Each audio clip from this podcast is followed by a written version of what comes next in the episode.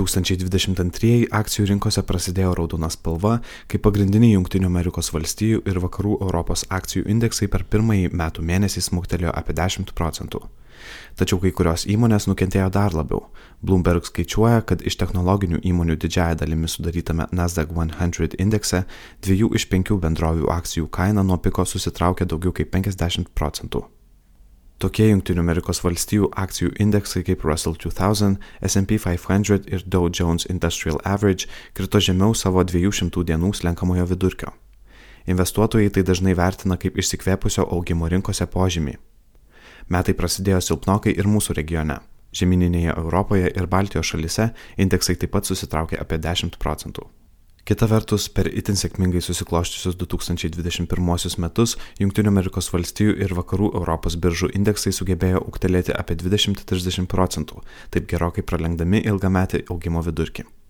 Pandemijos metu mažmeninių investuotojų įkeltos aistros akcijų rinkose lėmė tokias akcijų kainas, kokių pasaulis nematė nuo dot-com burbulo sprogimo 2000-aisiais. Svetbank analitikai skaičiuoja, kad pernai didėjai pasaulio akcijų indeksai kopė į viršų po 25-30 procentų, o kai kurių Junktinių Amerikos valstijų įmonių akcijų kainos per pastaruosius keliarius metus išaugo kartais. Didžiulės įtakos tam turėjo centrinių bankų vykdoma pinigų politika, taip pat vyriausybių taikytos mokestinės priemonės pandemijos pasiekmėms sumažinti. Verta prisiminti, kad panašiu metu praėjusiais metais mažmeninių investuotojų euforija buvo pasiekusi piką, o kelių bendrovių akcijos buvo koordinuotai atakuojamos pasitelkus socialinius tinklus ir interneto forumus siekiant dirbtinai padidinti jų kainą. Kai kam pavyko iš to uždirbti, tačiau nemaža dalis turėjo susitaikyti su nuostoliais. Apibendrinus sausio įvykius rinkose, galima konstatuoti, kad juose įvyko tai, kas jau kurį laiką buvo neišvengiama. Tai įprastas, o kartais ir pageidautinas reiškinys finansų rinkose, siunčianti signalą, kad investuotojai galbūt per daug optimistiškai žiūrėjo į ateitį. Nerimo dėl ateities jau galima išvelgti pirmosiose SP 500 įmonių rezultatų ataskaitose, kuriuose prognozės dėl šių metų rezultatų itin nusaikios. Didelė ir neslopstanti infliacija, aukštos energijos išteklių kainos, tvirančios geopolitinės įtampos kol kas rinkoms neįkvepia optimizmo. Rinkose nerimaujama ir dėl to, kad pigių paskolų laikas eina į pabaigą. Fed palūkanų normas greičiausiai pakels jau šių metų kovo viduryje, bet to šiemet jos gali būti padidintos net keturis kartus. Tai gana ryškus pinigų politikos pokytis siekiant pažaboti infliaciją, kuri panašu nėra tokia laikina, kaip buvo manyta praėjusiais metais. Ar investuotojams reikia bijoti didesnių palūkanų normų? Anot Bloomberg analitikų, Junktinių Amerikos valstijų akcijų rezultatai istoriškai būdavo geri tais laikotarpiais, kada Fed kaip tik pradėdavo didinti palūkanų normas. Istorija rodo, kad skaičiuojant nuo 60-ojo dešimtmečio per 12 Fed palūkanų padidinimo ciklų, Junktinių Amerikos valstijų akcijos vidutiniškai kilo perskaičiuotų 9 procentų tempu.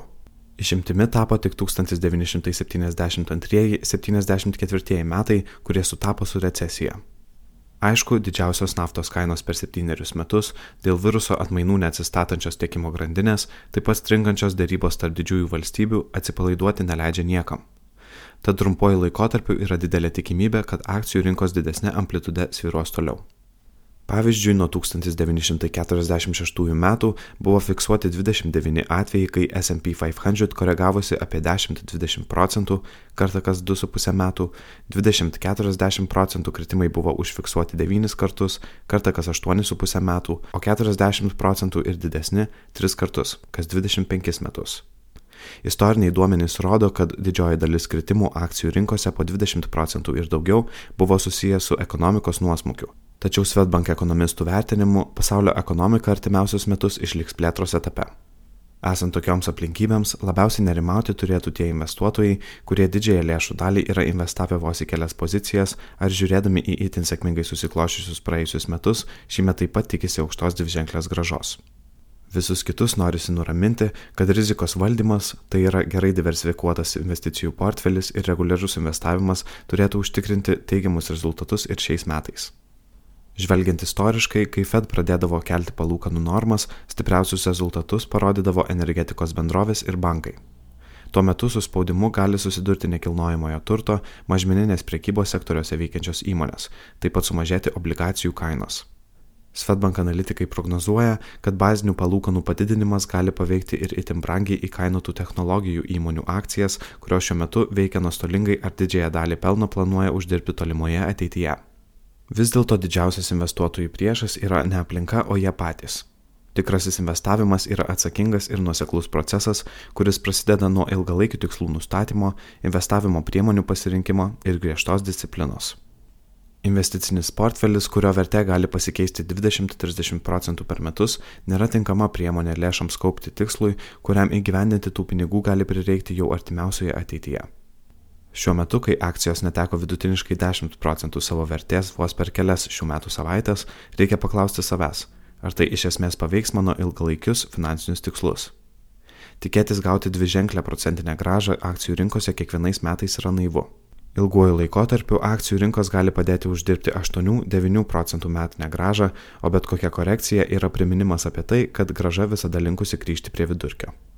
Jei investicinio portfelio strategija rėmėsi nuosekliomis prielaidomis, tuomet ji per ilgesnį laikotarpį padės pasiekti tenkinantį rezultatą. Todėl nepaisant emocinio skausmo, patiriamo stebint savo portfelio vertės sumažėjimą, geriausia, ką galima padaryti šiuo metu, laikyti savo plano ir siekti ilgalaikių tikslų. Tiems, kas aktyviai bando valdyti savo portfelio alokaciją, reaguojant į rinkų bangavimus ir nuolatos perkant ir parduodant vertybinius popierius, verta priminti, kad istorija nežino tokio mažmeninio investuotojo, kuris ilgą laiką aplenkdavo rinką pagal uždirbamą gražą. Sviruojant rinkoms, bandymas išvengti nuostolio ar pagauti bangą yra loterija, o ne investavimo strategija. Komentarą paruošė Svetbank finansų rinkų tarnybos vadovas Marius Ignotas. Įgarsino Kristijonas Vaičiukauskas.